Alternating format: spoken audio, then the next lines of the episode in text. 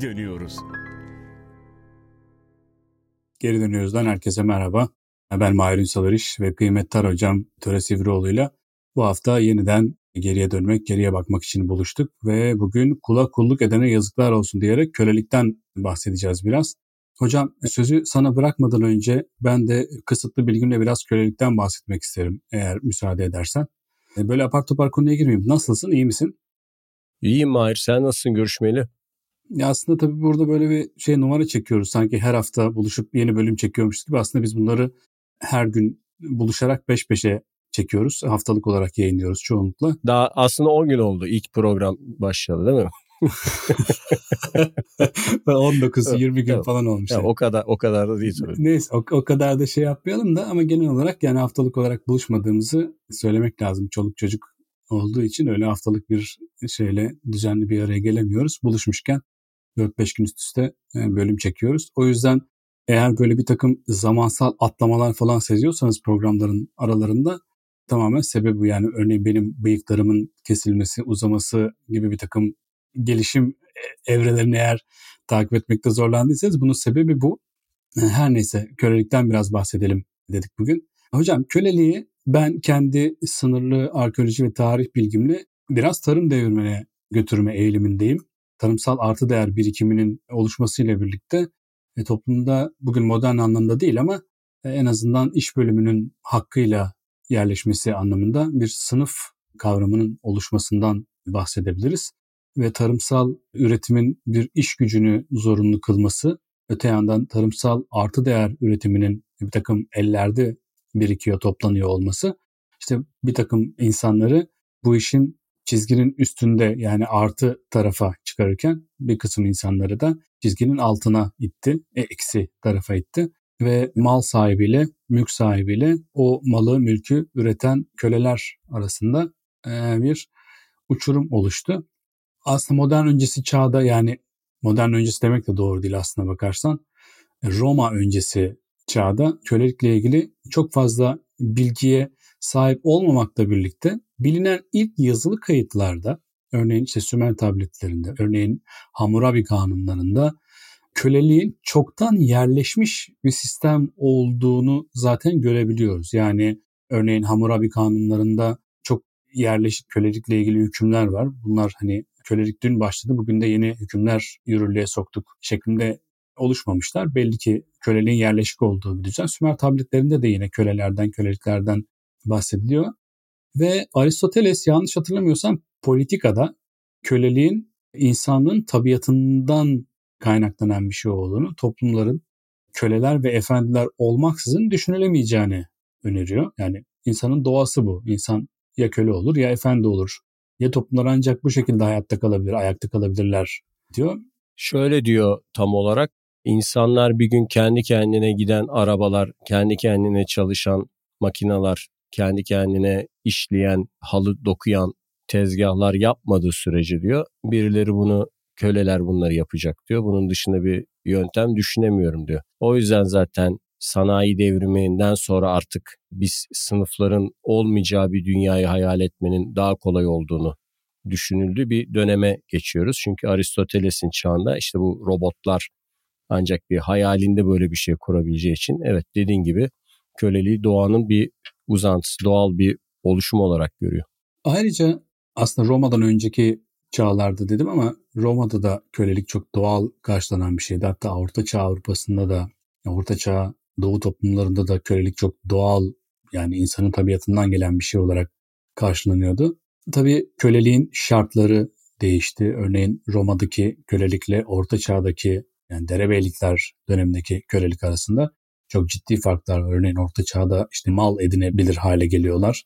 Servus yani o Latincedeki köle anlamında, hizmetkar anlamındaki servus sözcüğü yerini serf sözcüğüne bırakıyor. Bir, bir takım böyle hem kimliği hem içeriği değişiyor köleliğin ama e, daha daha geriye giderek bakalım. Kölelik nedir ve nereden başlar? Nereden insanlığın başına musallat olmuş bir bela bu? Şimdi paleolitik toplumda yani sınıflar yokken ya da işte komünel toplum denilen toplumda köle yok. Bunun sebebi de bunlar çeşitli çatışmalarda falan eğer esir alıyorlarsa birbirlerine iki yol var. Ya esirleri öldürüyorlar hemen ya da topluma diğer üyelerle eşit koşullarda kabul ediyorlar. Yani bir evlat edinme gibi o klana törenlerle kabul ediliyorsun. Bazı Amerikan western filmlerinde vardır. Mesela At e, adıyla çağrılan adam diye bir film vardı örneğin eski. Orada Kızılderili kabilelerine yani sen işte bu Amerikan yerlileri diye düzeltiyorsun ya. Kızılderililerin örneğin bazı işte beyazları kabileye kabul ettiğini görüyorsun. Ama bu sınıflı toplumun ortaya çıkmasıyla yani tarım, hayvancılık vesaire başlayınca, evcilleştirmeler başlayınca aslında kölelik de başlamış gibi gözüküyor. Çünkü şöyle düşünmüş olabilir. Yani sığırları, işte inekleri, koyunları, keçileri, domuzları güdüyorum.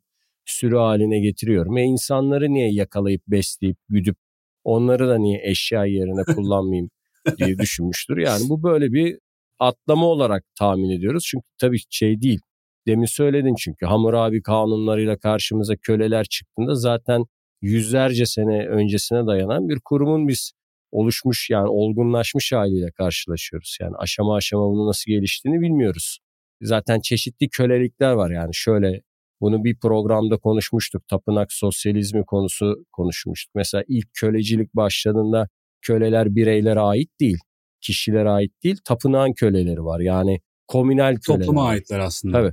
Komünel toplumdan köleci toplumlara geçerken birdenbire bir geçiş yok. Toplum komünel bir toplum. İşte otlaklar komünel, sular, hava, geçim kaynakları, hayvan sürüleri doğal olarak köleler de komünel. Yani insanlar şöyle düşün yani komünel toplumu bir cennet toplumu gibi düşünenler de var. Yani idealize edenler var ama birçok komünel toplumda aynı zamanda köleler de var. Bunu diğerlerinden ayıran şey kölelerin özel mülkiyette değil komün mülkiyetinde olması. Yoksa komünel mülkiyette de köle var yani. Hocam aslında yani köleliğin biraz etimolojisi üzerinden devam edecek olursak meseleyi anlama noktasında da bize ışık tutacağını düşünüyorum. Şimdi biz köle sözcüğünün, Türkçedeki köle sözcüğünün aslına bakarsan nereden geldiğini tam olarak bilmiyoruz. Yani bir takım öneriler var. İşte Arapçadaki gulam yani golam sözcüğünden geliyor olabileceği gibi. İşte Farsçada küfür anlamına gelen e, kola sözcüğünden geliyor olabileceği gibi bir takım öneriler var ama aslında biraz şey muğlak denebilir yani köle sözcüğü, Türkçedeki köle sözcüğü. Fakat Arapçada kullanılan, köle için kullanılan kelimelerden biri gulam olduğu gibi olabiliyorsun Türkçede kulampara sözcüğünün kökeninde vardır. Gulam bir de cennetteki gılman da gulam kökenli evet, değil mi? Evet, evet, evet, aynen öyle. Fakat en çok bilinen kelimelerden biri tarihte defalarca da karşımıza çıkacağı üzere Memluk. Memlük o onu söylerken şey de aklıma geldi yani. Hani bu ortaçağ Türkçesinde kölemen de var. Evet e, Memlüklere Mesela, kölemen de diyorlar evet, zaten. Memlüklere kölemen de diyorlar. Yani kölemen Hatta de. bugün bizim işte yaşıyorsa Allah ömür versin tarih hocamız Fethi Sır'dan bahsederken düşündüm bize o tarih derslerinde lisede Memlükleri Kölemen Devleti diye öğretirlerdi.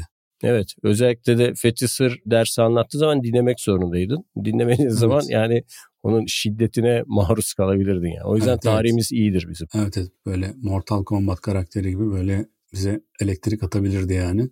Evet. Hocam şimdi Memlük sözcüğü aslında mülk yani meleke kökünden gelir ve Memlük sözcüğünün tam karşılığı mülk edinilmiş olandır. Yani ismi mef'ul. Malikin karşılığı yani gibi. Evet aslında memalikin karşılığı daha çok memlük gibi. Memlük mülk edinilmiş demek. Zaten memlüklerin bu adı almasının sebebi biliyorsun yani sen daha iyi biliyorsun tabii de e, memlükler ağırlıklı olarak yönetici sınıfın işte Türkler, Kıpçaklar, işte Kumanlar gibi çeşitli Türk ve Tatar Çerkezler. boylarından ve Çerkezlerden oluştuğunu ama nüfusun çok ezici çoğunlukla Arap olduğunu biliyoruz.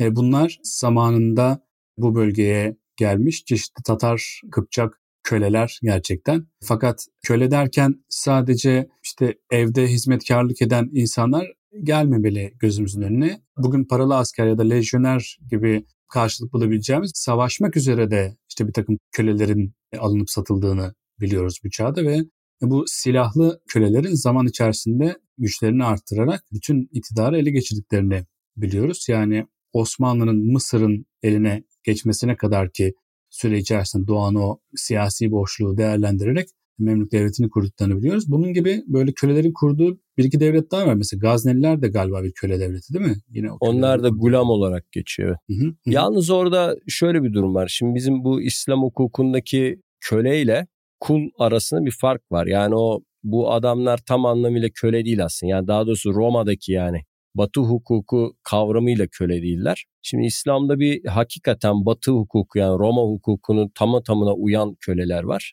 Yani pazarda alınan, satılan, işte esir olarak yaşayan, hakları sınırlı, kısıtlı. Gerçi sen demin şey dedin, e, Roma'da da aslında kölelerin mülk edinme hakları var. Ticaret falan yapabiliyor köle. Bazı gladyatörler kendisine para biriktirip işte özgürlüğünü satın alabiliyorlar. Böyle yani Roma'daki köleler de o filmlerdeki gibi sürekli sırtında Ama gladyatörlerin de Roma köleliği içerisinde farklı bir pozisyonu var. Yani sıradan bir ev kölesi gibi değiller gladyatörler. Ya orada da köleler arasında Hı-hı. statü farkları var. Yani mesela şair, köleler, yazar, köle e, şeyler var mesela. Romalılar Korint seferinde Yunanistan'ın işte Pausiniasları falan alıyorlar ya.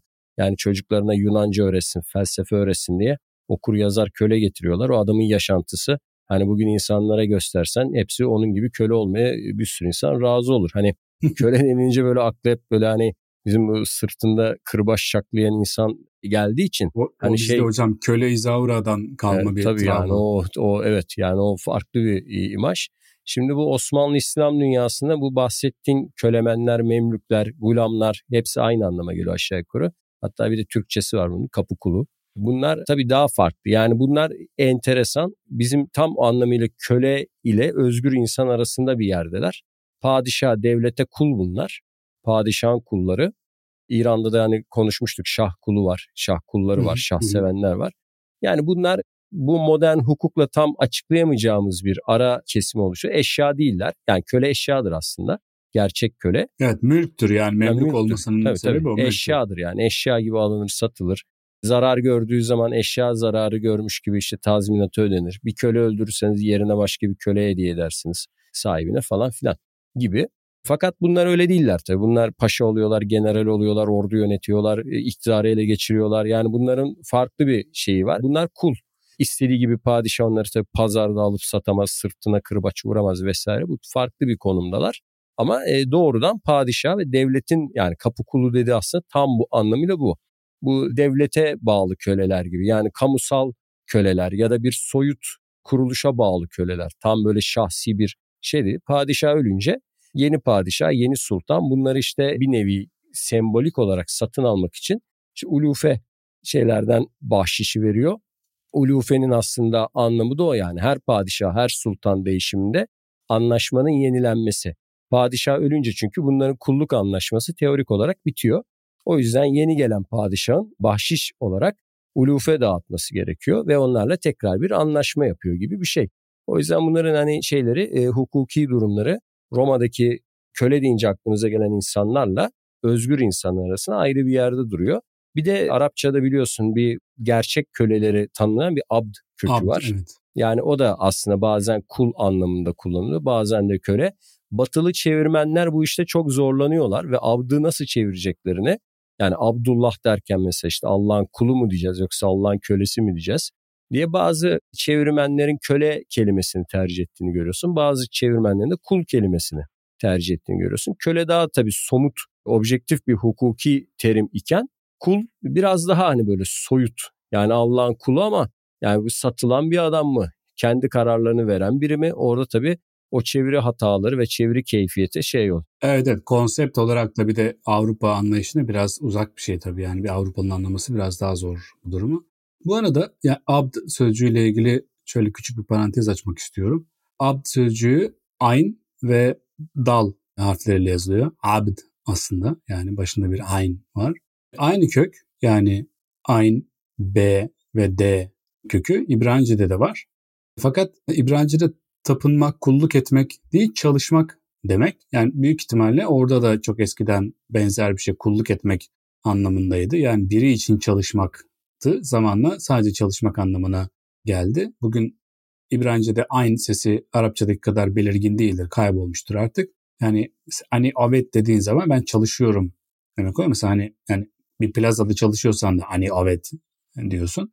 O abd sözcüğü İbranice'de de böyle yaşıyor. Büyük ihtimalle Süryanice'de de benzer bir benzer bir kök hala hayatını sürdürüyor. Aslında Orta Çağ'da Batı dünyasında da benzer bir anlam kayması olmuş. Demin örneğini verdim mesela işte servus Roma'da bildiğimiz aklımıza gelen köle anlamında kullanırken onun işte serfe dönüşmesi.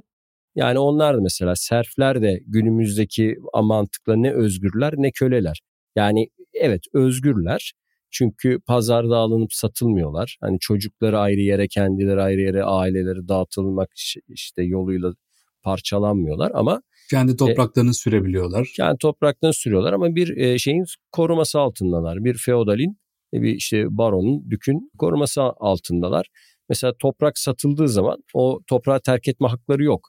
Yani hmm. oraya bağımlılar ve yeni efendileri geldiği zaman hep beraber e, ona hizmet etmekle yükümlüler. Onun toprağını da ekmek zorundalar. Kaçma hakları yok, terk etme hakları yok. Ellerindeki arazileri devretme hakları yok gibi. Yani ne antik çağdaki köleler gibiler ne de gerçek anlamda bir özgür insan gibiler ki bu servus adı biliyorsun hani memur sözcüğü de batı dillerinde aslında bu şeye dönüşmüş. Yani servis kelimesini de bugün kullanıyoruz. Yani kendi bizim dilimizde de var. Yani bu ara aşamalı tabakaları, zümreleri, sınıfları neyse yani bilerek konuyu anlamaya çalışmak gerekiyor. Yoksa hani e, şeyde zorlanırız yani taksimatta zorlanırız. Şimdi hocam ilk çağ yani ilk çağda, antik çağda yani kölelikle ilgili e, fikirlerimiz zaten, bilgilerimiz zaten belli. Yine hafiften böyle Roma'ya doğru gelelim ve sonra yavaş yavaş Avrupa'ya doğru gidelim.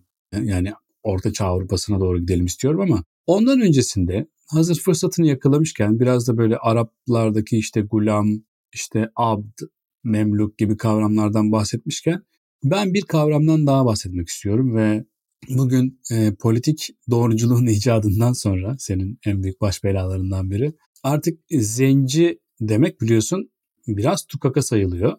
Zenci demiyoruz. Siyah ya da siyahi diyoruz. Ama zenci sözcüğünün bir hakaret e, ya da bir küçümseme içermediğini teslim etmek lazım. Bunu hemen anlatmak istiyorum. Araplar Afrika'nın doğu kıyısına zenc derlerdi.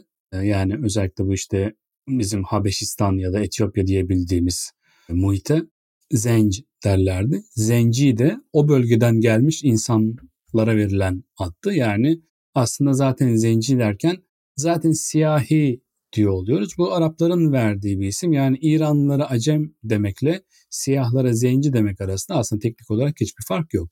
Ama her nedense bu isim bir noktada tukaka edildi ve artık kullanırken biraz çekiniyoruz acaba yanlış bir şey mi söylüyorum diye. Bunun bir analoji olduğunu düşünüyorum. Yani İngilizce'deki o N-word denen şey var ya yani negro ya da niga dediğin zaman orada bir hakaret bir küçümseyiş e, saklı olduğunu biliyoruz. Ve o da aslında İspanyolca'da siyah demek negro. E, Latince'de de Evet bir Öyle. meşhur bir firma adını değiştirdi. Yakın evet evet bisküvinin adını değiştirdiler evet, yıllar evet. yıllar sonra. Yılların negrosu şey oldu. Zaten bu arada şey yani burada aynı bisküvi Londra'da mesela zaten başka bir isimle satılıyordu. Yani Türkiye'deki adı değişti.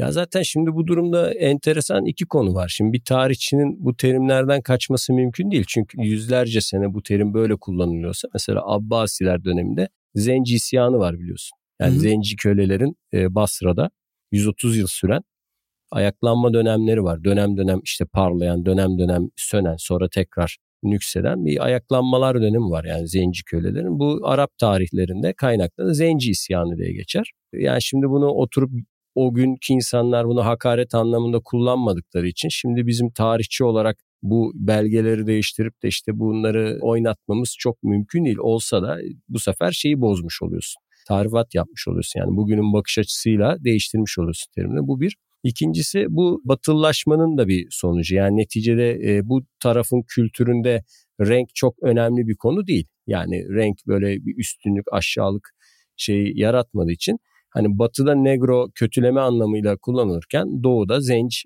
yani öyle benim hatırladığım, gördüğüm, okudum ve yaşamımda tecrübe edindim. Herhangi bir küçümseme anlamı taşımıyordu. Daha doğrusu Türk toplumu Afrika'dan gelen koyu renkli insanları biraz küçümsemek için daha çok Arap kelimesini kullanır biliyorsun geleneksel Hı. olarak yani Hı. halk sözcüklerinde, deyimlerinde falan bizde yani Osmanlı'dan gelen miras işte o Karagöz oyunlarında falan Arap bacı şeyi vardır. Hani Bizde bu terim zenci terimi hiçbir zaman batıdaki o horgörü anlamında kullanılmadığı için yani onlar bunu kul, ho, e, horgörü anlamında şeyde kullandıklarından değiştirdikleri için e biz de onlara ayak uydurarak hani bu Almanya yenildi bizde yenik sayıldık şey var ya. ya bunun gibi hani biz de e, biz de değiştirelim o zaman diyoruz. Yani bizim neyimiz eksik ama halbuki zaten bizim edebiyatımızda bu kötülenen bir şey değil yani. Hani böyle hor görülen bir şey değil. O yüzden hani tabii bunlar olabilir. Değişebilir zaman içerisinde kelimeler anlam kaymalarına uğruyorlar. Yosma kelimesinde olduğu gibi mesela. Eskiden insanlar Yavuz gibi. Tabii bu isimleri verirlerdi. Şimdi bunlar artık isim olarak verilemiyor yani neticede anlam kaymasına uğramış durumda. O yüzden hani şey yapılabilir yani zenci yerine artık siyahi denilebilir ama bunu tarihi belgelere kadar taşımak ise e, o başka bir konu. O pek bir arkasında durabileceğimiz bir şey değil. O zaman tarihi belgeyi çarpıtmış oluruz. Sanki o zamanki insanların da böyle bir duyarlılığı olması gerekiyormuş ya da o insanlar da işte bir hakaret anlamında kullanıyormuş gibi anakronik bir hareket yapmış oluyoruz.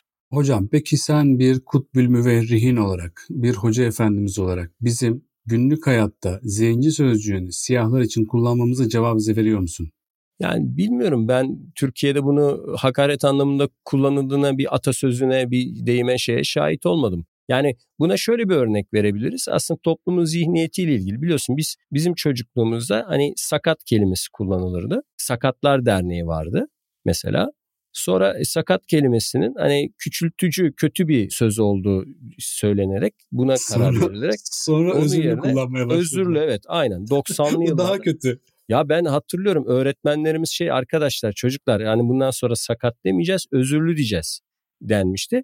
Özürlü kelimesi ilk geldiğinde çok kibar bir kelimeydi. Herkes birbirini uyarırdı. Yani sakat demeyelim lütfen özürlü diyelim diye. Sonra bizim Necip milletimiz bu kibar kelimeyi de bir hakaret şeyine dönüştürdü. Yani işte korna çalıyor yoldan çekilmiyor. Çekil şuradan özürlü müsün falan filan gibi içindeki o zihniyeti döktü. Yani bir süre sonra bu kelime kirlendi. Bunun yerine ne geldi? 2000'lerde baktılar özürlü de gitti. E, engelli geldi mesela. Engelli de biliyorsun ilk geldiğinde çok nazik bir kelimeydi, kibar bir kelimeydi ve dernekler isimlerini değiştirdiler. Artık herhalde özürlü derneği diye bir dernek yoktur şu an Türkiye'de. yani Hani bu anlam kaymasına uğradı çünkü yani açık bir şekilde. Çünkü toplumsal zihniyet kötü olduğundan kelime e, şeye direnemiyor. Yani toplumsal yapıya direnemiyor. Şimdi mesela engelli kelimesi geldi. Artık ama şu yıllarda engelli de artık kirlenmeye başladı. Yani engelli de artık insanların birbirine hakaret için kullandığı bir şeye dönüştü. Mesela bu örneği verebiliriz daha somut. Mesela siyahi, zenci, işte Afrikalı, Afro-Amerikalı vesaire gibi terimlerin hiçbirinin Türkçe'de bir şey anlamı yok. Yani bir pozitif, negatif.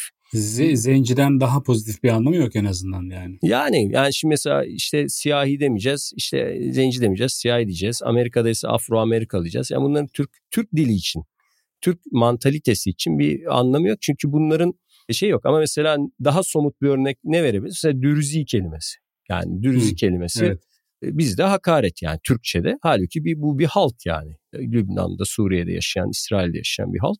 Yani biz bunu geleneksel olarak hep Osmanlı'ya isyan ettikleri için işte dürziler. Dürüzü sözcüğü e, herhalde bir mahkemelik falan bir sözcüktür herhalde. Yani bir insan bir insana hani canlı yayında işte dürüzü dese herhalde mahkeme var ya öyle ceza veriyorlar falan. Yok kamu önünde hakaret vesaire herhalde bir hakaret cezası var kabul ederler. Yani daha somut örneklerle yola çıkarak anlatabiliriz. Yoksa siyahi, Afrikalı, zenci vesaire bizde şey oluşturmuyor. Amerika'daki olumsuz anlamlar burada karşılık bulmuyor yani. Ama bizde de böyle şeyler çok. Yani şu buradan şu anlamda çıkmasın. Hani biz öyle necip bir ulusuz ki yani kimseyi küçümsememişiz kimseye. Yok bizde de çok böyle terim var ama bunun şeyle ilgisi yok. Yani renklerle pek ilgilenmemiş bizim nasıl diyeyim küçümseyici tarzımız. Evet evet aslında bakarsan birçok küçümseyici ifadenin de zaman içerisinde bu fonksiyonu kazandığını görüyoruz. Örneğin Yahudiler için kullanılan çıfıt sözcüğü aslında cifud e, ya da cihud sözcüğüdür. O da işte Farsçadan gelen Yahudi anlamına gelen bir başka sözcük. Yani hani o çıfıt deyince de aslında orada bir hakaret niyeti hesap edilmemiş ama yine de bugün bir Yahudiye eğer çıfıt diyorsan hakaret etmek istiyorsun demektir. Yani hani o sonradan kazandığı böyle bir fonksiyon var. Şey de öyle değil mi? Çingene kelimesi de Çengi'den dansla, müzikle ilgili bir sözcük kökenli değil mi Farsça? Tabii hocam Çeng biliyorsun yani, bir çok telli bir çalgıdır. Li, lir gibi bir şey yani. Lir, li, kanun gibi daha çok. Hı. Şey, e, çenk çalan anlamında. Çünkü Çengi gibi yani. Çengi, çengi gibi yani. Çengi gibi. Yani. Çenginin çoğulu aslında. Çengian yani. Ha ama zaman içerisinde kötüleyici bir şey kazanmış. Evet, evet. Evet.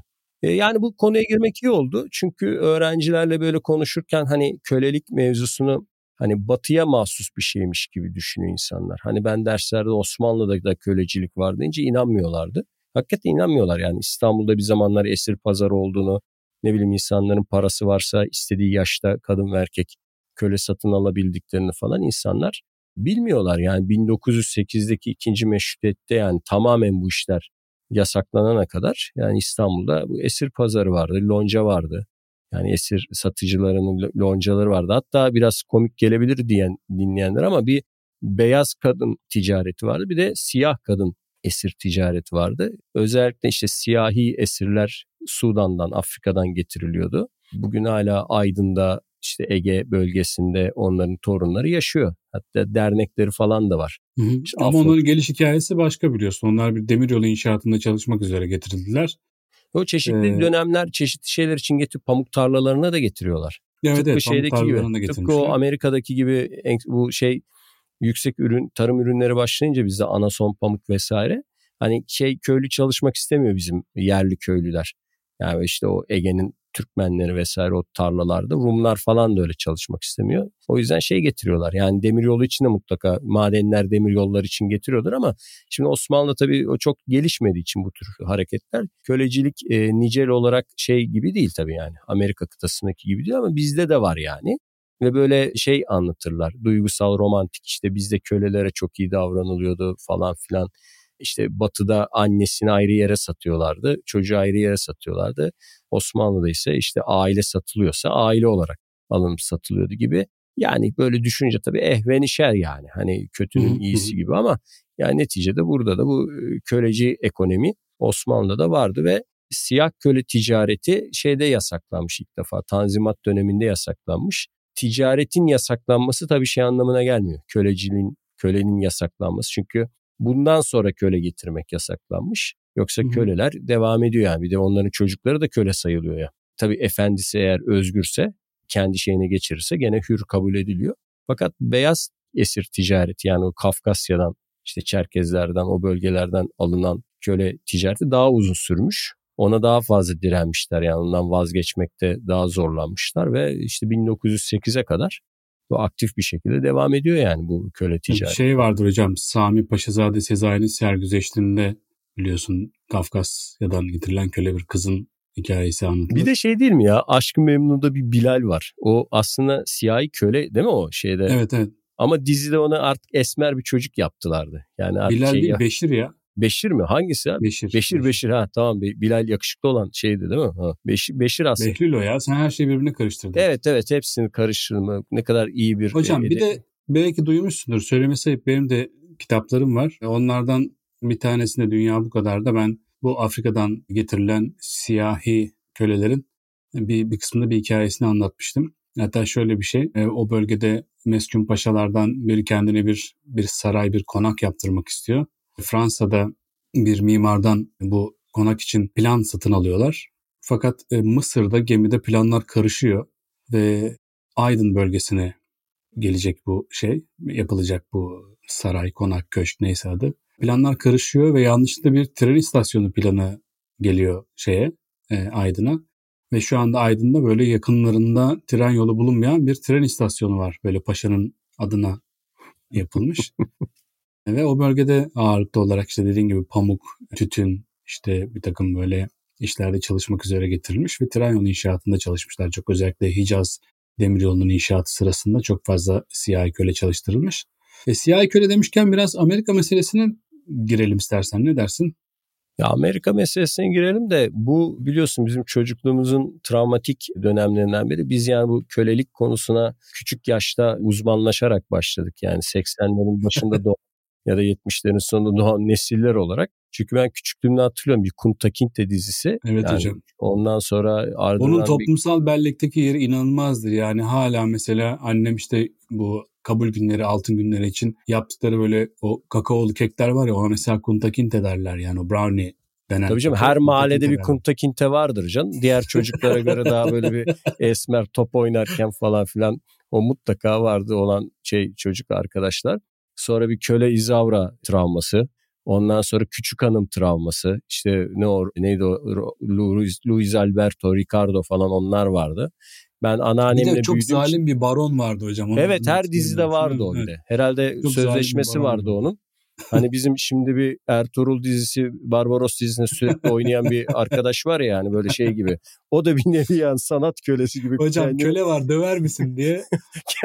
kendini kurtaramıyor bir türlü o şeylerden. Bu demek ki bu dizilere bir bulaştın mı adamlar ömür boyu şey yapıyorlar seninle sözleşme yapıyorlar.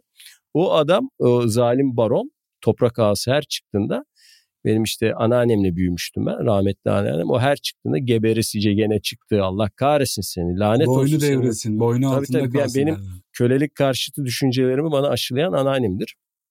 Yani ben ilk defa küçüklüğümde hani buna böyle şeyle öğrenmiş oldum dizilerden. Yani Amerika'da... Çok çok şahane, çok tatlı bir kadın. Allah rahmet eylesin. evet, bugün bir tane resmini buldum. Bayağıdır şey yapmıştım. Sakladım yerden çıkardım. Şimdi o Kibiri Hanım. Tabii bir de onlar şimdi zaten şeyler Çerkez Faşizmi onlar. yeneceğiz diyordu hatırlıyor musun? Faş, faşizmi sen, diyemiyordu. Sen söyletiyorsundur onu. Ne? Fas, fasizm, fasizmi yeneceğiz diyordu. Benim onunla ilgili hatırladığım en güzel şey ben böyle üniversite sınavlarına hazırlanıyorum. İşte arkeoloji yazacağım.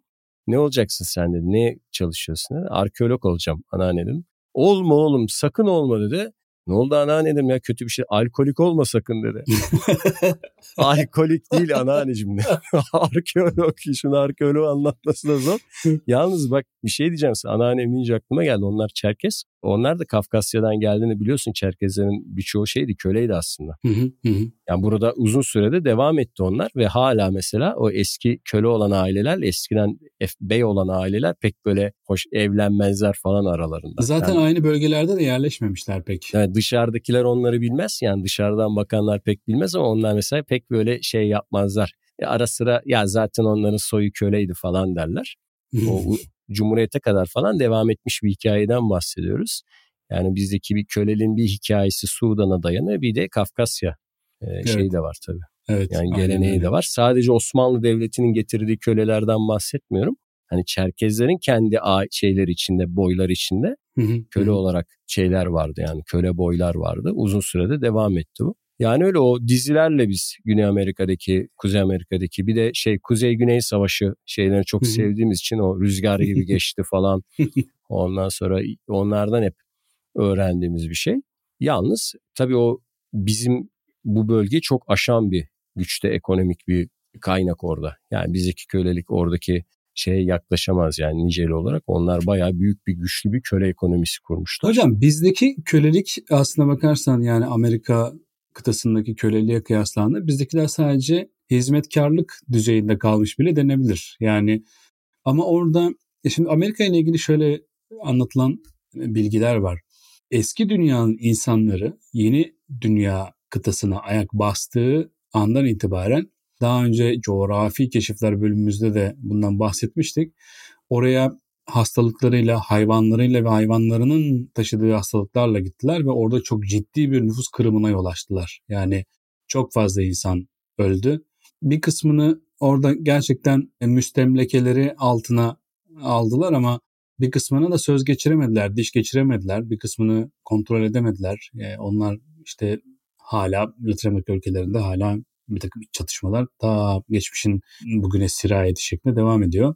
Ve orada yol açtıkları nüfus kırımının bu yeni kıtayı imar etme noktasında bir iş gücüne ihtiyaç duyuluyor olmasıyla ilgili olarak çok ciddi bir şekilde e, yeni bir nüfusa üstelik de yemesinden içmesinden başka hiçbir şeyine para harcamayacağın bir nüfusa ihtiyaç e, yarattığı e, düşünülüyor ve ondan dolayı da Afrika'dan gemiler dolusu köle taşındığı düşünüyor. Hatta Amerika kölelik deyince Amerika aklımıza geliyor ama özellikle işte Amsterdam gibi, Liverpool gibi böyle Avrupa'nın çok büyük limanlarının da Afrika'dan getirilen köleler için çok büyük köle pazarları olduğunu ve yeni dünyaya doğrudan Afrika'dan götürülen köleler kadar buralardan da çok fazla köle götürüldüğünü biliyoruz. Sonra ne oldu peki?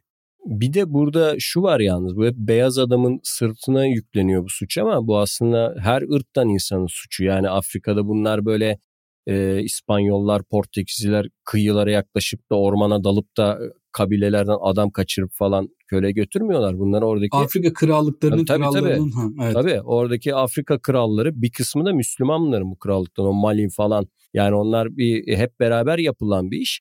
Afrika'da biraz daha böyle yani Akdeniz tipi krallık kurabilmiş bölgelerde e onlar ormanlara gidip hani bu insanları kaçırıp kıyılarda İspanyollara satıyorlar. Tabii yani beyaz adam tahrik ediyor, teşvik ediyor ticareti ama orada suç ortağı olarak sadece hani şey değil orada Afrikalıların kendi kendilerine yaptıkları bir ticarette bu aynı zamanda. Yani bu onu da unutmamak gerekiyor.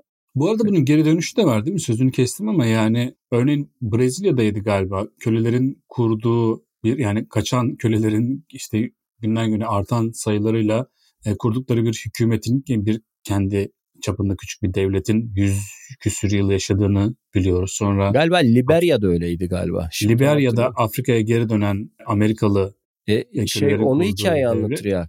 Kunta Kinte şey ya mesela dönmeye çalışıyor. E, hatta dönecekken her şeyi ayarlıyor. Geri dönen bir gemide yer ayarlıyor. Sonra çocuğu olunca onu bırakamıyor yani. yani karısıyla çocuğunu yoksa Afrika'ya dönüyor. Ne o şeylerini biliyordu yani. Nereden geldiğini ve o dizinin en güzel yanı da şeydi. Onlar 20 nesilmine unutmuyorlar nereden geldiğini ve gerçek hikayedir ya o. 20 Hı. nesil sonra mı 20 nesil şey yapmış olabilirim abartmış olabilirim 8-9 nesil galiba 8-9 nesil sonraki torunu Afrika'ya gidip buluyordu. Yani nereden e, geldiklerini falan öyle bir hikayeydi ve o yüzden Türk milleti bunu gözyaşlarıyla falan Şimdi hani yaşı küçükler onları şimdi tam anlatamıyoruz onları. Yani şimdiki diziler gibi değil yani böyle şeylerle izleniyordu. Hani kahvelerde falan tek tük televizyonlar var ya da komşular evet, evet. toplanmış tek Topluca kanal siyah beyaz Herkes ağlıyor böyle hüngür hüngür falan şeyini buluyor. İşte dede, dedelerinden aynı soydan gelen şeylerini buluyordu falan. Herkes birbirine sarılıyor ağlıyor falan öyle izleniyordu. O yüzden Türk milletinin böyle köle şeyine bir sempatisi vardır yani hikayesine onların buluşma hikayeleri. Neyse bu şeydeki olay güney ve kuzeyde de farklı. Mesela kuzeyde bu beyaz protestan bölge kölelerle yüz göz olmuyor. Orada gerçek aslında şey orada. Halbuki Latin bölgede e, melezleşme çok. Yani orada da böyle renk çok önemli değil. Kaçan köleler beyazlarla evleniyorlar. Yani İspanyol kültürü içinde, Portekiz kültürü içinde bugün eriyip gidiyorlar. Bak şeyde öyle mesela Kuzey Amerika'da yani Anglo-Sakson protestan bölgede bir siyahla bir beyazın evlenmesi 1970'lere kadar falan büyük bir tabu yoktur herhalde yani. Çok Hocam çok yanlış az. hatırlamıyorsam Alabama eyaletinde galiba atıyor olabilirim eyaletin adını. 2002'de kaldırılmış beyazlarla siyahların evlenme yasağı. Ya doğrudur yani çünkü orada çok büyük tabu yani. Hani bir siyahla bir beyaz e bugün bile yani polis bazen şey yapıyormuş yani. Mesela siyah bir baba beyaz bir eşi var çocuklar da beyaz. Adam çocukları gezdirirken falan polis durdurup hayrola nereye götürüyorsun çocukları falan Amerika'da diye soruşturuyormuş yani. Hani Adam kanıtlayana kadar bunlar benim çocuğum gibi. ha şimdi Küba'da, Venezuela'da yani e öyle canım onlar da öyle yani. Hala bir bu. Ha ne diyormuş şey, polis hocam? E şey yani ya, ya, nereden çaldın çocukları diye. Adam bunlar benim çocuklarım diyene kadar hala bile Amerika'da bu şey yani çok marjinal bir olay şeye göre yani. yani mesela şimdi Brezilya'da e, o kadar melezleşmiş bir toplum yapısı var ki Hani şey gibi hepsi neredeyse bir siyahi kan taşıyor yani orada yaşayan insanın. Yani bu kilise de bunu çok sorun etmemiş Katolik kilisesi renk olayını. Bu renk olayına takıntı biraz şeylerde Kuzeylilerde yani bu özellikle şey bu White Anglo-Sakson Protestan de onlarda yani onlar bu işi yani kölelik bittikten sonra bile bu işi hala kafalarında çözmeme çözemeyen kısım orası. Yani mesela bir siyahinin Amerika'da başkan olması olay oldu. Halbuki siyahi birinin Latin Amerika'da siyasette girmesi çıkması çok şey bir olay değil yani bu. Evet aynen öyle.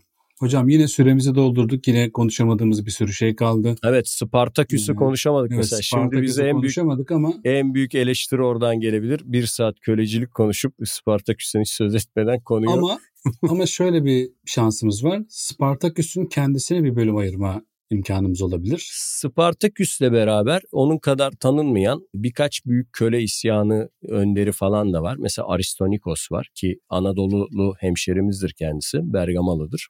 Bunları da böyle beraber değerlendiren Spartaküs de bir... Trakyalı hocam o da yabancı değil. O da hemşerim tabii o da hemşerimiz ama Spartaküs tanınıyor. İşte onun bir şey var. E, Aristonikos nedense o kadar tanınmıyor. Onun pek filmi dizisi de yapılmadı.